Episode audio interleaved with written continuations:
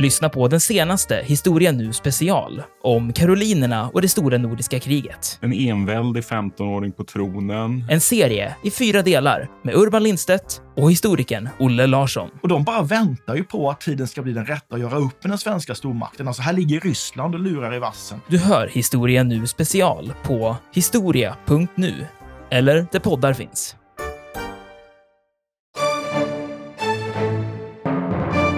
Och så har du en romersk bro. Ja. Römerbrücke som tysken säger. Den äldsta bron norr om Alperna. Som Den kör man fortfarande bil på. Trafiken. Vi har gjort det många gånger, från 100-talet efter Mm. Kristus. Alltså bara det att den håller, det visar ju på att romarna kunde det där med det praktiska. Det var bönder och advokater. Det är inte filosofer och skönandar i första hand.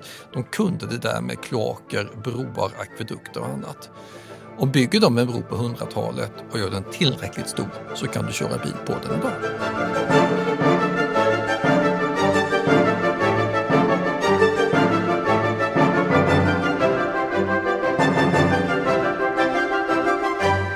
Välkomna till Harrisons dramatiska historia med mig, Dick Harrison. Och Katarina Harrison Lindberg, gift med Dick och författare i historia. Och nu har vi kommit till den här poddsäsongens turisttips. Antika lämningar, the highlights. Ja, det, ja, det, det har vi gjort. Vi har, vi har haft såna här avsnitt förr. Ja, då var det svensk eh, Ja. sten och bronsålder. Men, Men nu, nu, är det europeiskt fokus. nu hamnar vi i, ja, i Aten och i Rom. Ja, och hela övriga Europa. Ja, hela övriga Europa faktiskt, det får man väl ändå säga. För de här eh, antika grekerna och romarna, de lämnar ju efter sig teatrar, amfiteatrar, eh, kloaksystem, broar, offentliga badhus, alla möjliga scener det- som man kan titta på. Ja, det här är ju faktiskt ganska roligt för att om man besöker eh, städer, alla, alla som har rest i Europa har ju noterat detta antar jag. Att kommer man till en stad där som har legat inom det romerska rikets gränser till exempel så kommer man också hitta badhus och ja, lämningar kanske efter en teater, alltså någonting. Det, det finns. Ja, hade det här nu varit lämningar efter gamla förfallna hus från 1800-1900-talet då hade vi sagt schakta bort skiten. Det här är ju ruiner, bygg något nytt. Men om det är ifrån ja, 100-talet före Kristus, då säger man ju inte det. kulturminnesskyddat Ja. och folk beundrar och tycker att det är jättevackert.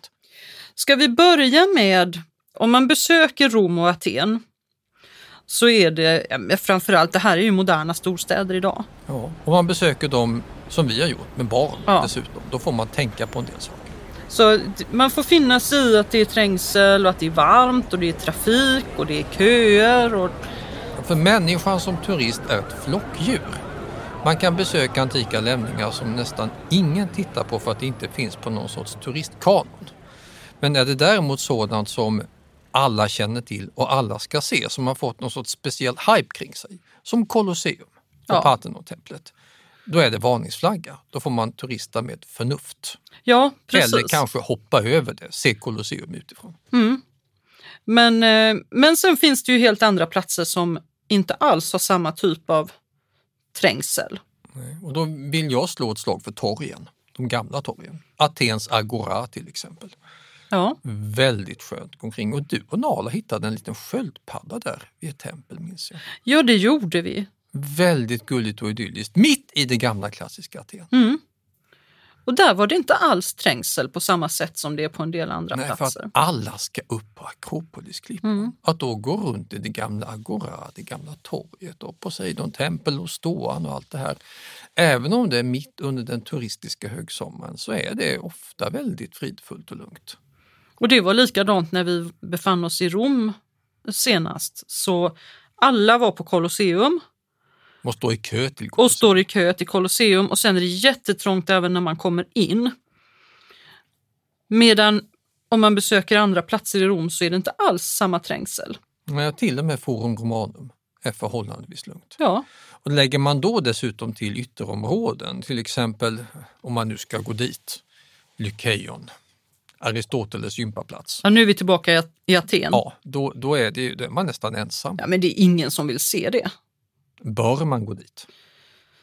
Och För att ge honom fingret. Ja, det skulle vara det då. Man kan gå dit och vara lite förbaskad och knyta näven. Och som du, tala in någon diatrib i mobilen. Ja.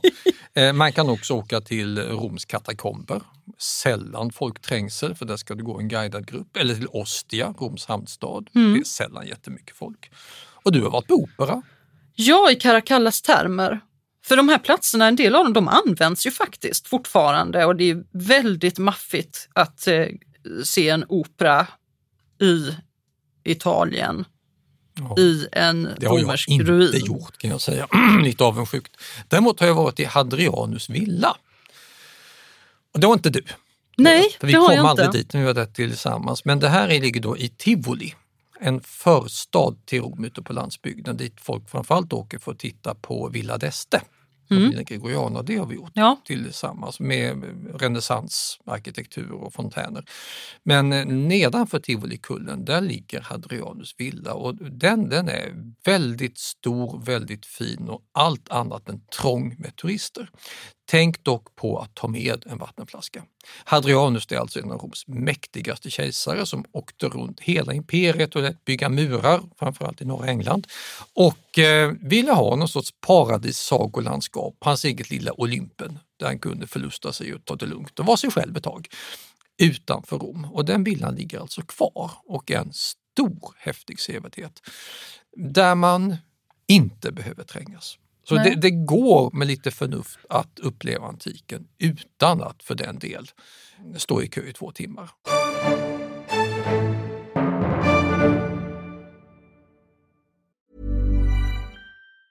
Hi, I'm Daniel, founder of Pretty Litter. Did you know cats tend to hide symptoms of sickness and pain? I learned this the hard way after losing my cat, Gingy. So I created Pretty Litter, a health monitoring litter that helps detect early signs of illness by changing colors, saving you money and potentially your cat's life. Pretty Litter is veterinarian developed, and it's the easiest way to keep tabs on your fur baby's health right at home. Go to prettylitter.com and use code ACAST for 20% off your first order and a free cat toy. Terms and conditions apply. See site for details. I'm Sandra, and I'm just the professional your small business was looking for. But you didn't hire me because you didn't use LinkedIn jobs. LinkedIn has professionals you can't find anywhere else, including those who aren't actively looking for a new job but might be open to the perfect role, like me. In a given month, over 70% of LinkedIn users don't visit other leading job sites. So if you're not looking on LinkedIn, you'll miss out on great candidates like Sandra. Start hiring professionals like a professional. Post your free job on linkedin.com/people slash people today. Millions of people have lost weight with personalized plans from Noom, like Evan, who can't stand salads and still lost 50 pounds. Salads, generally, for most people, are the easy button, right? For me, that wasn't an option. I never really was a salad guy. That's just not who I am. But Noom worked for me. Get your personalized plan today at Noom.com. Real Noom user compensated to provide their story. In four weeks, the typical Noom user can expect to lose one to two pounds per week. Individual results may vary.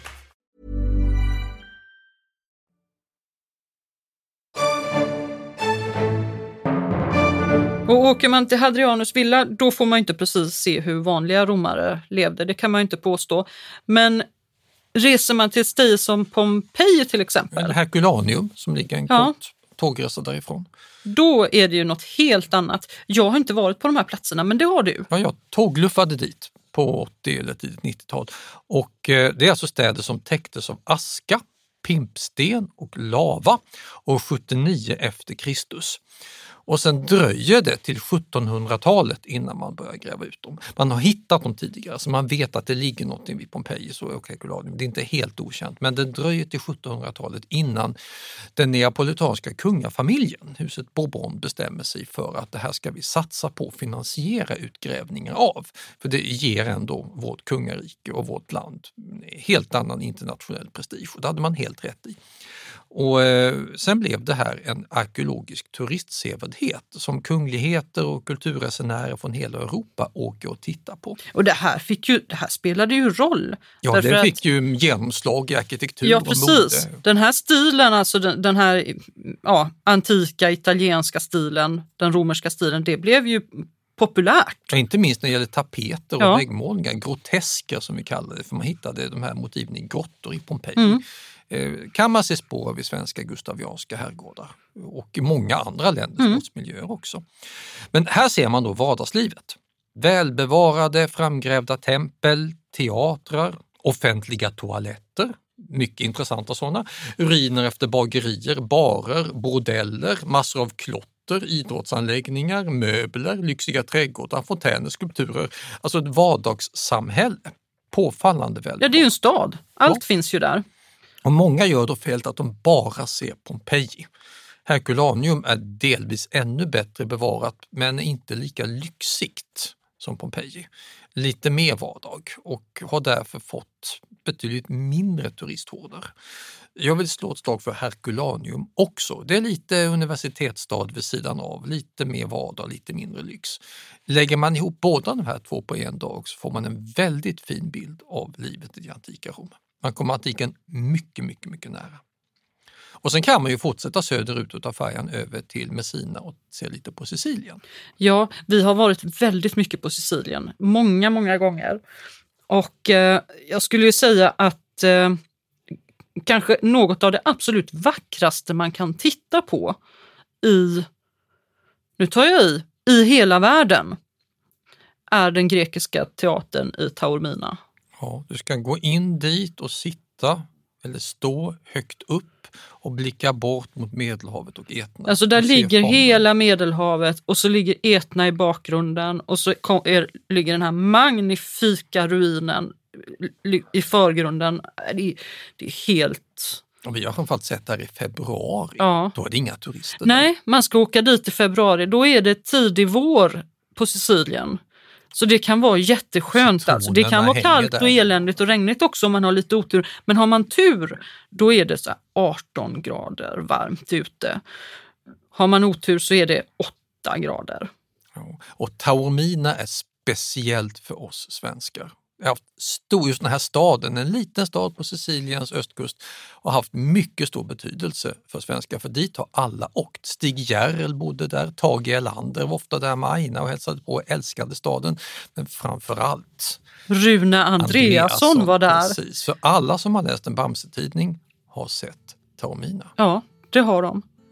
Farmor på Höga berget och allt det här, det är Taorminas Det är de kullarna och de bergen. Han ritade inte in det grekiska templet med grekiska teatern, men annars så är Taormina, ja det är Lille Skutt och Skalman som finns runt om hörnet. Ja, man kommer, man känner, har man läst Bamse så känner man faktiskt igen det här när man kommer dit. Ja, så missa inte Taormina som överhuvudtaget är en väldigt gullig liten stad med små gågator i övrigt. Men grekiska teatern står i särklass. Rakt på andra sidan, om man då åker hela vägen bort förbi Palermo riktning mot Spanien och innan man kommer fram till kusten, då kommer man till Segesta. Ja, Utan, ja, långt, långt bort åt andra hållet. Och det är också intressant. Då har de en teater som är nästan uthuggen ur en klippa högt upp ett berg. Mm. Som man får anstränga sig lite för att komma till. Det, är- det är hyra taxi eller ta någon buss och sätta av en halv dag. För för det, det är inte mitt inne i en stad. Och där har du också ett mycket välbevarat tempel bredvid. Som man kan kanske inte gå rakt in i men åtminstone spankulera runt i och få en stor skönhetsupplevelse. Inte vardagsliv men, men det är väldigt, väldigt vackert och väldigt grekiskt. Sicilien var ju en grekisktalande ö under antiken. Mm. Det är inte italiensktalande eller latinsktalande utan det var grekisk kultur under hela antiken. och inga av de här platserna är, det är inte fullt med turister. Nej, Åtminstone så inte om man är där då lite Alltså, före säsongen. var vi i juli månad tror jag och det var inte trängsel. Eftersom de här finns inte med på de där japanska amerikanska avprickningslistorna av vad man ska titta på. Det gör Colosseum. Men Segesta, de flesta vet inte vad det är för något. Nej, det är Där sant. kan du vara helt ensam.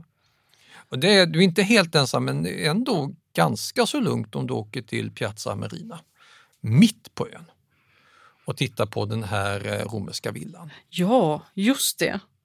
Och det, Och det är där de har mosaiker. Precis.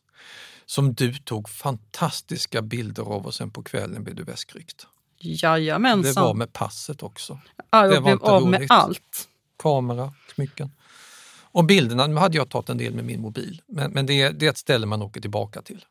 Tänk er alltså en stor, lyxig, romersk villa lantgods mitt på vischan. Tillbaka som Elon Musk eller Donald Trump vill ta igen sig lite och bygga en lyxig romersk villa. Alltså, det är ungefär så det skulle sett ut i så fall. Det är inte fattigmannabostäder. Nej, absolut inte. Men det intressanta för vår del är ju att det finns så mycket kvar. Mm. De här musikerna, framförallt med bikinibrudarna, minns du dem? Ja, jag som minns spelar dem. volleyboll eller något annat som då man då har gjort upp damer som har roligt på stranden Mm. och klädda i bikinis. Gjorda under antiken. Och det, ser, det, det är ett väldigt levande intryck att titta på det. Det är som om det hade gjorts i förrgår. Men det är 2000 år gammalt. Mm. Sen finns det ju den här, det finns en tempeldal i Agrigento också som är Valle dei Tempi, Ja. precis. Med flera tempel i olika tidsperioder under antiken som ligger Och det är ett på stort varandra. område. Det är ett mycket stort område. Och inte Där ska du ha en dag på dig. Ja. Det kräver att man, skulle jag säga, hyr en bil. Mm. Och ha tid på sig. Mm. Och kanske inte gör det i värsta högsommaren för det är varmt. Och Sicilien är ju en varm ö så att där, skulle, där tänker jag, där, dit åker man på våren eller lite senare på hösten och kanske inte i, juni, juli. För då, Se till att ha med sig vattenflaskor. Mm. Inte helt lätt att hitta sådana när man går omkring i en stor tempeldal. men annars finns det väldigt mycket att titta på. Ja. Din Jesusbok förresten. ja. Det är precis omslaget. där har jag Omslaget taget Det är från- från Cefalù, en katedral på norra delen av Sicilien. Det är Nu lämnar vi antiken. Men det är, Sicilien finns det mycket att titta på oavsett vilken period man vill snöa in på. Cefalù det är, det är ju en normandisk katedral. Det är vi vikingar möter fransmän, möter italienare och hyr greker som ska göra jobbet och då får du fantastiskt resultat. Mm. Jag kunde inte låta bli, tog ett kort och sen blev det omslag på en bok. Mm. Jag är löjligt stolt över det. Men så här kan man alltså botanisera sig runt i enskilda regioner, öar eller städer. Det finns sånt här lite överallt, akveduktlämningar till Ja, exempel. alltså, romarna var ju själva uppenbarligen väldigt stolta över sina akvedukter. Ja, de var ju sura över att Ja. grekerna inte lät att vara med på världens sju underverk. Mycket sura och bittra. Och man kan väl delvis hålla med dem om man ser de här akvedukterna Pont du Gard i Sydfrankrike. Ja, förr i tiden tror jag faktiskt man fick gå på den, men det tror jag inte man får längre. Nej, jag har inte varit här. Men du. Nej, nej, mina föräldrar har varit där. Men jag har inte heller varit där. Jag har bara sett den på bild. Nu vill jag dock hissa en viss, liten, liten varningsflagga för akvedukter i all ära, de är snygga och fina, men alla akvedukter är inte antika. Det finns en myt som säger att när romerskriket föll glömde man bort allt vad deras gamla vetenskap och kultur hette. Detta är inte sant. Man kommer ihåg hur man bygger akvedukter. Så en del av de akvedukter som finns, i Salerno, Spoleto till exempel, är från medeltiden. Så att man fortsätter bygga akvedukter och hålla dem vid liv efter antiken också, om man har ekonomi till det. Eftersom det var en smart uppfinning. Man insåg att det här var, det här var verkligen ett världsunderverk som det gäller att hålla vid liv. Och det gör att det finns ganska mycket akvedukter kvar att titta på. Det finns betydligt färre riktiga hus, tempel. Mm. För, för de, de har man använt till stenbrott, såvida de inte har byggts om till kyrkor. Då kan man använda dem. Som, som eh, Maison Carré i Nîmes, alltså fyrkantiga huset på Mm. franska. Då. Det bygger man om till en kyrka. Eller Pantheon i Rom. Ja, Och det är verkligen värt att se och det hade knappast överlevt om inte de kristna hade tagit över det och exploaterat det som en kyrkobyggnad. Och så har vi ju amfiteatrarna ja, och de kan man använda som operahus om man vill. Verona, Arles, Pola. Så det finns ganska mycket olika typer av offentliga byggnadsverk, alltså publika byggnadsverk att titta på, även i Mellanöstern. ja, precis. Eftersom romarriket var så himla stort. Om vi talat om Bosra i Syrien, dit kan ni inte åka och titta för det är krig där, men blir det fred så är det en hisnande upplevelse med en fantastisk akustik. Står någon och sjunger ner på teaterscenen i Bosra och sen är det en enorm teateranläggning runt omkring där man kan sitta högt upp och akustiken där är i världsklass. Eller Gerasa, Gerashi, Jordanien. Petra, Jordanien ett ju väldigt bra exempel. Det är alltså hellenistisk arkitektur som araber har tagit över och sen införlivats med romarriket. Så eh, åker man runt i Mellanöstern så kan man göra romersk turism och grekisk turism varenda dag och man blir imponerad där också.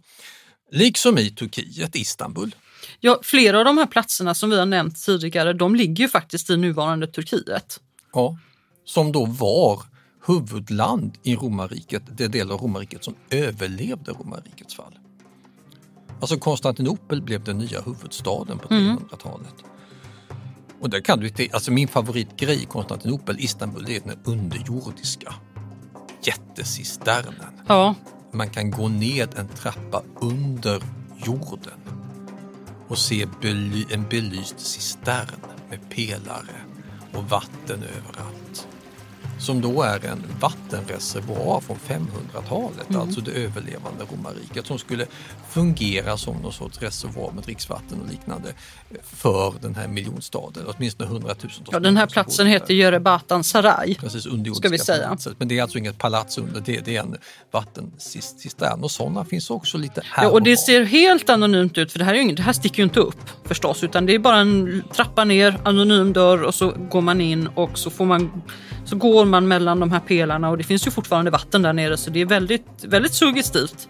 Man går på små träbroar Ja. i en underjordisk jättesal med pelare och vatten. Nu låter det som att vi gör turkisk turistreklam här men det må vara hänt. Det här är en stor upplevelse som man inte ser någonting av ovan jord. Utan det här måste du känna till. Man kan också åka till Ravenna i Italien som är en i övrigt ganska tråkig stad för den bombas sönder fullständigt under andra världskriget. Men en hel del mosaiker överlever i gamla kyrkor. Sanna San Apollinare in Classe, Galla Placidias mausoleum, San Apollinare Nuovo, San Vitale. Och det vittnar om hur romarna mycket väl kunde ta tillbaka Västeuropa om de bara ville. Italien lisade man ut försvaret i men tog tillbaka det och behöll det en bra bit in på 500-talet. Och då hade man ekonomi nog att smälla upp de här fantastiska kyrkorna med de här underbara musikerna. Där man kan se kejsare och kejsarinnor och hovdamer och krigare avbildade stirrande rakt i ögonen på dig som om de hade varit gjorda i förrgår. Och det här är en stad som turister verkligen hoppar över. Eftersom den bombades sönder så pass mycket. Så Jag har aldrig varit i Ravenna. Nej, då har du missat något. Jag tågluffade dit 1984 och jag var ensam i de här kyrkorna.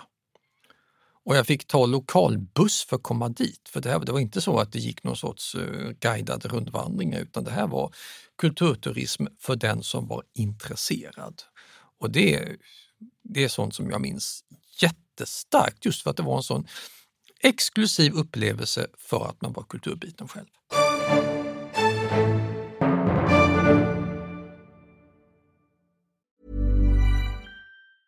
Even when we're on a budget, we still deserve nice things. Quince is a place to scoop up stunning high-end goods for 50 to 80% less than similar brands. They have buttery soft cashmere sweaters starting at $50, luxurious Italian leather bags, and so much more. Plus, Quince only works with factories that use safe, ethical, and responsible manufacturing. Get the high-end goods you'll love without the high price tag with Quince. Go to quince.com slash style for free shipping and 365-day returns. Millions of people have lost weight with personalized plans from Noom, like Evan, who can't stand salads and still lost 50 pounds. Salads, generally, for most people, are the easy button, right? For me, that wasn't an option. I never really was a salad guy. That's just not who I am. But Noom worked for me. Get your personalized plan today at Noom.com. Real Noom user compensated to provide their story.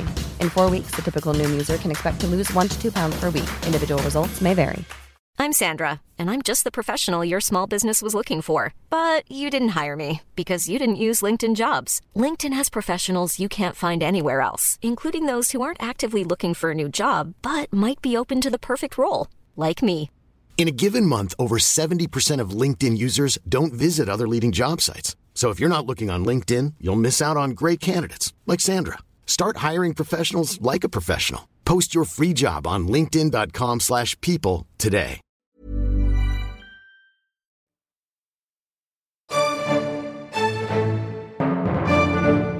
Men, Men jag vet ju att det finns större upplevelser att hämta om man åker till Tyskland.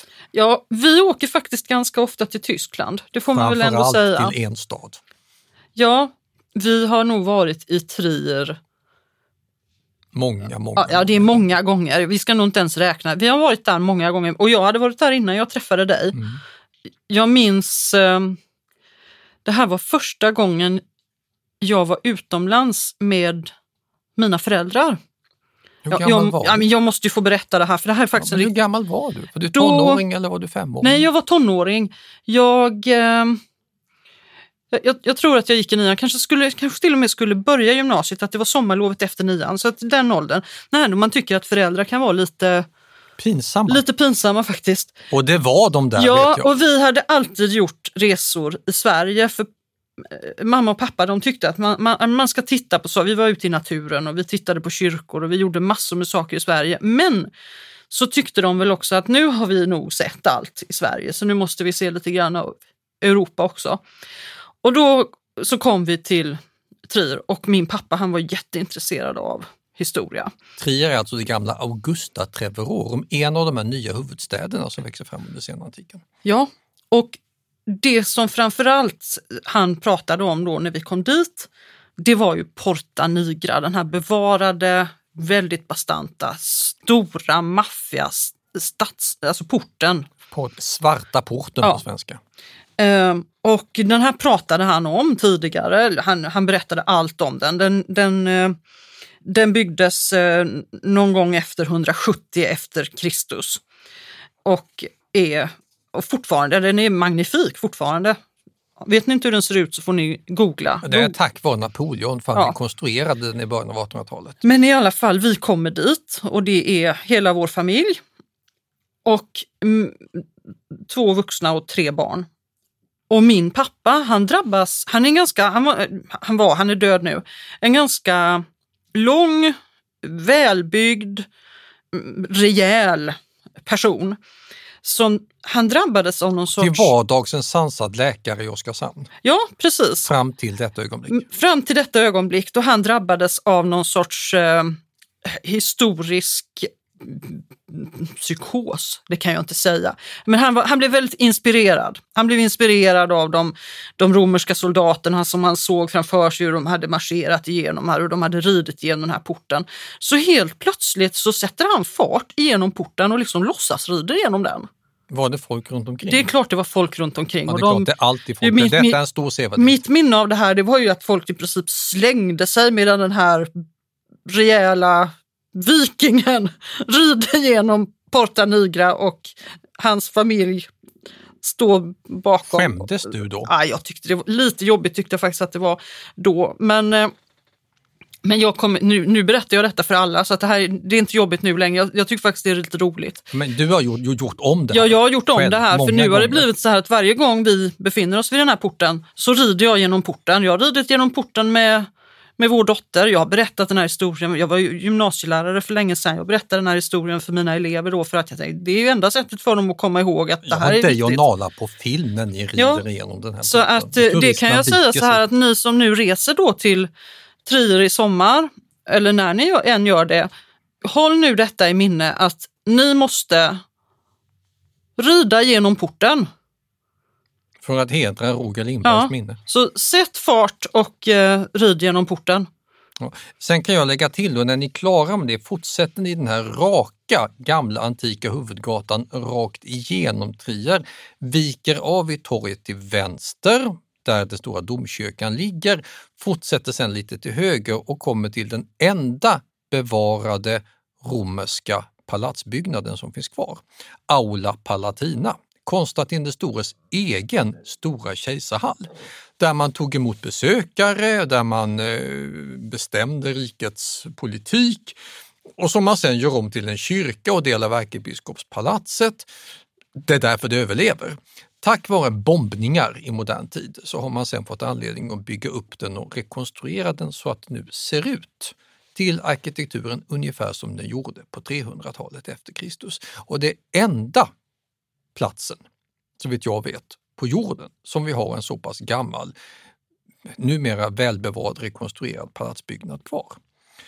Det var alltså där romerska kejsarna tog emot besökare på 300-talet.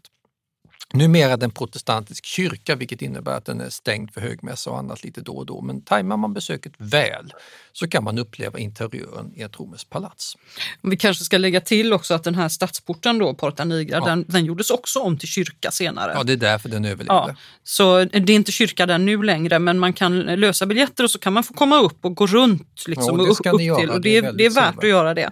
Det är alltså Napoleon som när han erövrar Trier och tycker att eh, medeltida eh, alltså, klipp och klistra kyrkoarkitekter har verkligen förstört det här gamla antika romerska kulturminnet så han återställer det. Så vad man än må säga om Nappe i övrigt så där gjorde han en insats för återställandet av romersk kultur. Sen finns det mycket annat i Trier. Du har en amfiteater som var inbyggd i stadsmuren. Ja, och Den badhus. Ligger, ja, badhus, flera stycken. De kejserliga baden är mycket lättillgängliga för det Mm. ligger en stor parkeringsplats alldeles bredvid. Och så har du en romersk bro, Ja. Römerbrücke som tysken säger. Den äldsta bron norr om Alperna. som Den kör man fortfarande bil på. Trafiken. Vi har gjort det många gånger, från hundratalet efter Mm. Kristus. Alltså bara det att den håller, det visar ju på att romarna kunde det där med det praktiska. Det var bönder och advokater. Det är inte filosofer och skönandar i första hand. De kunde det där med kloaker, broar, akvedukter och annat. Och bygger de en bro på 100-talet och gör den tillräckligt stor så kan du köra bil på den idag. Så vill man ha mycket Rom på liten yta, då är eh, Trier en väldigt bra. Plus att det ligger i Moseldalen. Ja, det gör det också. Traben-Trarbach och Bankastel-Kos och alla de här Beilstein. Ja, ni hör nu Men varför vi tycker att man ska lära sig tyska. Ja, Det, notwendig, sehr gut eh, gewesen. Jo, nej men det här, Trier är en bra stad att utgå från om man i norra och västra Europa vill ha i sig en rejäl dos antik kultur utan att behöva trängas utanför Colosseum. Sen kan man åka till England. Ja, du har till och med bott Jag har i bott England. i England ganska mycket och eh, det är inte svårt att orientera sig romerskt där. Det är alltså en romersk provins som romarna själva överger utan att vara därtill nödda och tvungna. De helt enkelt lämnar ön i början av 400-talet. Men de lämnar kvar ett romerskt badhus i Bath. En stor muranläggning i norr, Hadrianus mur, och det är alltså 118 kilometer romerskt byggnadsverk. Jättestort, 4,5 meter högt. Är den lika, ser den likadan ut över hela? Alltså, Nej, den, det gör den inte. Ju, ju mer öde den ligger, desto mer välbevarad är den. Alltså, när den ligger nära byar och städer så har man inte kunnat låta bli att använda den som stenbrott under medeltiden och senare. Men mitt i ödsliga trakter, där är den mycket välbevarad. Med sådana här fort, housesteads till exempel, eh, som idag är museer, museianläggningar och turistsevärdheter. Men det är ingen trängsel där. Jag menar, det här är Hadrianus mur, värnet mot skottarna. Det är inte kinesiska muren, det är inte Colosseum, utan det här är bilburna kulturturister i norra England. De är inte jättemånga. Så det är en, det är en bra sevärdhet om man vill få i sig en stor, maffig romersk upplevelse utan att behöva trängas. När man pratar om Bath, Bath måste ju vara, en- har ju fått namn från det här. Spaanläggning, precis. Ja, måste ju ha fått namn från det en här romersk badhuset. Kurort. Ja. Hur mycket av det? är- Alltså badhuset är kvar. Badhuset är kvar? Ja, det, ser- det, det ser Mm. lite, nu, nu förlåt alla engelska, men det ser lite äckligt ut. Du, du får ingen Mm. lust att bada i poolen där, men, men det, du kan lätt få en föreställning om hur läckert det måste ha varit på den gamla goda tiden. Problemet är att Bath är en modern stad också och en georgiansk stad, Ge- Georgian style, alltså sent 1700 tidigt 1800-tal. Det finns fler intressanta byggnadsskäl att åka till Bath. Och det här ligger mitt i smeten. Mm. Så, så det är inte så att du får en stor romersk kulturmiljö överhuvudtaget i Bath, utan det är det här badhuset och det är välbevarat. Mm. Men som sagt, det, det har sett bättre dagar. Det var några millennier sedan det stod högt i kurs på sparturisters agenda. Och så här kan man åka runt i stora delar av Västeuropa. Ja, en del England, föredrar ju att Nederländerna, Tyskland. Det Ja. Jag tänker mycket. en del föredrar ju bara att åka till städer och kanske inte hålla på och hyra bil och åbäka sig. ja, du kan se det i London. De har ett gammalt Mithras-tempel. Vad är det? Mithrium, det var kristendomens värsta konkurrent på 100-200-talet efter Kristus. En religion som dyrkade den persiska ljusguden Mithras som framförallt soldater tyckte om. Religionens största akilleshäl var att den var totalförbjuden för alla kvinnor. vilket gjorde kampen lätt att vinna för kristendomen. De hade eh, dop genom att man dödade en tjur och hällde blodet över det i särskilda möteslokaler. Och ett, en sån där möteslokal, ett mitteum, Jag förstår att det inte blev en... eh, blev ingen hit. Nej. Men det var populär bland alltså, karakara i romerska armén och sådana fanns i Londinium, dagens London. Och det hittar man av en slump när man bygger om London city, alltså mitt i city. Alltså eh, där det är som allra mest bankpalats och försäkringskontor idag. Där hittar man ett sådant. Och här och var i London city finns det lite romerska murar. Vid Tower Hills tunnelbanestation till exempel kan man stöta på det. Men det är inte så att du ser det här och tänker oj, antika Rom, utan mer vad är det där för någon mur? Mm. Det, det är inte så att London är en välbevarad antik stad. Tvärtom, den övergavs och byggdes om gång på gång. Går du däremot ut i landsbygden, gamla romerska städer, då kan du hitta en hel Då kan Det kan du göra i Nederländerna, Tyskland och Frankrike och lite överallt. Men inte i Sverige. Mm. Nu är det ju så här att eh, vi lever i flygskammens tidevarv. Och det betyder att väldigt Och många... i de höga bensinprisernas tidevarv. Ja, och det betyder ju att eh, väldigt många tänker nej, det blir inte alls några bilsemestrar i Tyskland eller några flygturer till eh, London eller något annat extravagant, utan det blir semester hemma vid. Ja, här i Sverige. Stockholmare går på Historiska museet Ja. och inte till Colosseum. Så om man nu är en så här riktig Romvurmare, finns det någonting man kan titta på här då? Då får du besöka romerska lämningar på våra museer. Och är du stockholmare så är det här mycket lätt. Det räcker med att gå till Narvavägen och knalla in på Historiska museet och det finns några riktigt spännande svensk-romerska sevärdheter. För vi kände till, eller våra förfäder och förmödrar kände ju till det. Ja, man, rå, man reste ju dit. Inte minst för att bli en del av systemet och tjäna pengar. Nej, vi reste ju dit för att rasera alltihop. Ja, säger de gamla vabar-hypoteserna. Nej, nej, Men- vi var där för vi var, vi, det här var Ja, imponer, precis. man var imponerad och man ville ha en del av kakan. och importera föremål. Och Mm. romarna var ju inte dummare än att de insåg att vi var impade och försökte kränga saker till oss. Mm. Och sådana där grejer finns kvar, för det här är ju praktföremål som man eh, vårdade ömt. Och därför så överlevde de och hittades och är då utställda, till exempel på Historiska museet. Och, och min lilla favorit här, och jag hoppas du håller med mig, den, det är den lilla ölänningen. Albökemannen Ja, tänker du på? precis. Den här lilla söta statyetten som nästan ingen känner till och som folk passerar utan att glo på. Ja, fast Ja, jag- Vi känner till honom, Ja. men alltså, de flesta som går in i guldrummet på Historiska museet, de är med ute efter att se på guldet. Ja, man blir väldigt bländad av de här halsringar och såna här saker. Men, men Albökemannen, det är en, en liten statyett. Ja, liten men fin. Och ehm, det, det, det är liksom en överkropp, Mm. eller hur? Ja, precis. Som en, en liten en byst han, kan vi har, säga. han har ett mustasch och lite pipskägg och så har han eh, vad som uppenbarligen med all säkerhet är en romersk uniform på sig. Och det är säkert inget romerskt föremål. Han kan ha låtit tillverka det här själv på Öland. Vi vet inte vad det här är gjort, men han har med all säkerhet tjänat i romerska armén, kommit tillbaka till Öland. Att vi vet det här beror på att man har hittat massor av romerska grejer på Öland. När man nu Rena sitter och tittar på en bild av Albökemannen, tycker du att det ser ut som att han har sitt skägg flätat? Han har åtminstone polisonger lite flätat. Ja, alltså, ja precis. Inte, skägget, inte som att han har en skäggfläta som hänger ner från hakan, utan Ja, det kan från ju vara lite öronen och framåt. soldatmode på 300-400-talet kanske. Väldigt läckert. Det skulle man ju vilja se män på gatan som flätar sina polisonger så här. Ja, jag vet tusan om jag har lust att göra det. Men det intressanta är att han ville bli betraktad så. Det här är en bild av en ölänning som var stolt över att vara romersk soldat och såg det här som en prestigegrej och se till att bevara den här skulpturen av sig själv. Och det är ett av många öländska romerska exempel. För Öland hade en storhetstid då. Det var en rik ö med stor import från romerska riket och säkert var det många ölänningar som åkte ner och tjänade i romerska armén. Annars är det svårt att förklara varför, de hade, varför man har hittat så många romerska grejer just på Öland.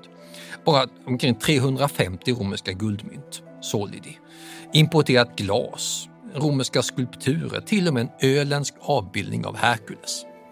Det är inte illa. Nej, och, och här, samtidigt så har man då en hel del stora mäktiga fornborgar, eh, en hel del offerfynd i Skede mosse från den här tiden som vittnar om att det har förekommit en hel del öländsk maktutveckling, ganska mycket krig, kontakter med romerska riket. Och den här Albökemannen, han har dessutom satt på sig falere, runda medaljer som romarna gav för duglighet i fält till soldater och det har han på sig. På ungefär där han hade haft en bh om han hade varit en tjej. Så, så, så det här är, Ja, det ser ut som att han har två små bröst som ser ut som två ansikten. ja, men det är falere. Det är alltså duglighetsmedaljer. Så han har varit stolt över det här. Så Öland blev då någon sorts svensk pendang till romarriket där man kan uppleva den här typen av fynd om man går in på ett svenskt museum. Sen har ju Öland mycket mer att erbjuda som vi kanske inte har grävt upp än, som ligger och väntar på att man ska hitta det. Som inte ser romerskt ut men vittnar om dramatiska händelser från exakt samma tid. Ja, det finns ju hur mycket som helst. Och, och Jag tänker- hitta nya saker. Ja, en av de senaste sakerna som man eh, verkligen har grävt ut är det är ju Sandbyborg.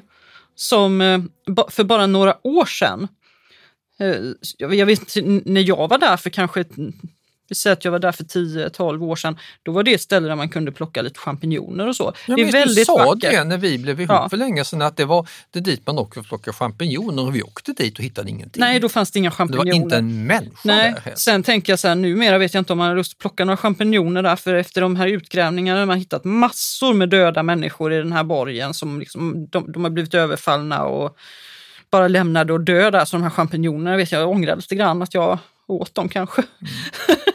Men ehm, Det är alltså en av de stora arkeologiska sensationerna i Sverige under de senaste decennierna när man hittade massakern i Sandbyborg. det ligger alltså på sydöstra Öland. Vätter mot Gotland och Baltikum. Ja, hållet. precis. Då det ligger alldeles nere vid vattnet. Det, man åker ner på en lit, liten fjösig väg och stannar precis, eh, precis vid stranden och sen går man en liten snutt och så kommer man till den här platsen som, där man väldigt ofta är helt ensam. Och så kan man ha en underbar picknick och eh, bada fötterna i Östersjön. Men omkring år 480 efter Kristus kom det folk dit nattetid, bröt sig in i fornborgen, massakrerade invånarna som lämnades att ruttna obegravda där de hade stupat, och där ligger de väl fortfarande, och hus och föremål under jorden fick stå kvar intakta. Ja. Och sen blev det här tabu att bo i. Ja, man har inte bott där sedan dess. Men nu i vår tid, alltså nu de senaste åren, så har man grävt ut här och, och ja, tidigare kände vi inte till det här.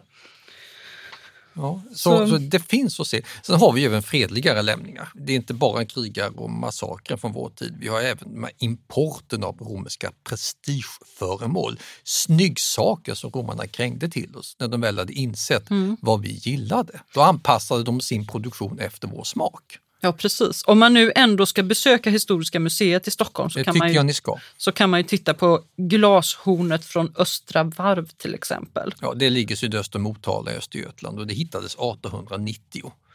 Man har då menat att det här är en gammal krigargrav. Det är för att man hittade svärd och landspetsar och sköldbucklor och sånt där. Men som framförallt har fått folk intresserade för det och imponerade, det är att man hittade det här dryckeshornet av glas. Alla vet ju att vikingar och gamla järnåldersbarbarer, de drack ur horn. De skulle dricka ceremoniellt. Det, det ingår lite i allmänbildningen och det här fattade romarna också. Men de fattar dessutom att glas, det är exklusivt lyxigt och det betalade de där barbarerna jättemycket för. Så vi gör dryckeshorn av glas och snyggar till det med lite inläggningar. Ja, det är otroligt vackert. Ja, och det här Det är är- alltså gjort för vår smak Det är- i glas. Som ett ganska ett vridet horn och ehm, Omspunnet av vita och blå glastrådar. det är jättefint. Ja, och det, det, det är alltså exempel på praktisk romersk tankegång. Nu har vi med de här svenskarna att göra. De vill ha det här och då tillverkar vi det i glas. Och de har ingen egen glasproduktion. Alltså kan vi ta precis hur mycket vi vill i betalt för det. Och det lyckades och vi ställer ut det på museer. Så, så det här är alltså romerska speglingar i vår del av världen. Cirka 200 efter Kristus och förmodligen har man tillverkat det här i renlandet. Gissningsvis i Colonia Claudia Ara Agrippinensium, eller som vi brukar kalla platsen idag, Köln. Storstaden. Ja. Som var en viktig romersk garnisonstad. Åker man till Köln ser man inte mycket romerskt i stadsbilden. Du kan se det på museet, men, men det var alltså en plats som då vette mot det fria Germanien och därmed perfekt belägen för export av sådana här föremål till oss. Det är mycket att titta på. Det finns mycket att titta på även om man inte lämnar Sverige under sommaren. Ja, ska vi höja våra horn för den här säsongen då? Vi kanske höjer våra horn för den här säsongen. Och så återkommer vi när vi flyttar in i tidig medeltid.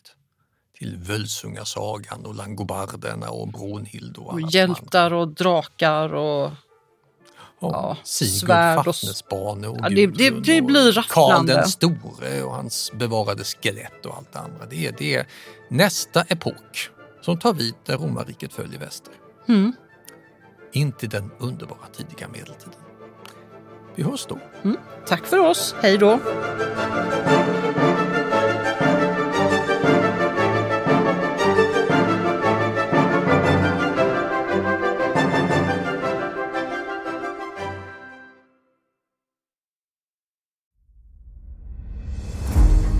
Jakob de la Gardie är den enda svenska fältherre som lett en armé till Moskva och trätt fram inför tsaren.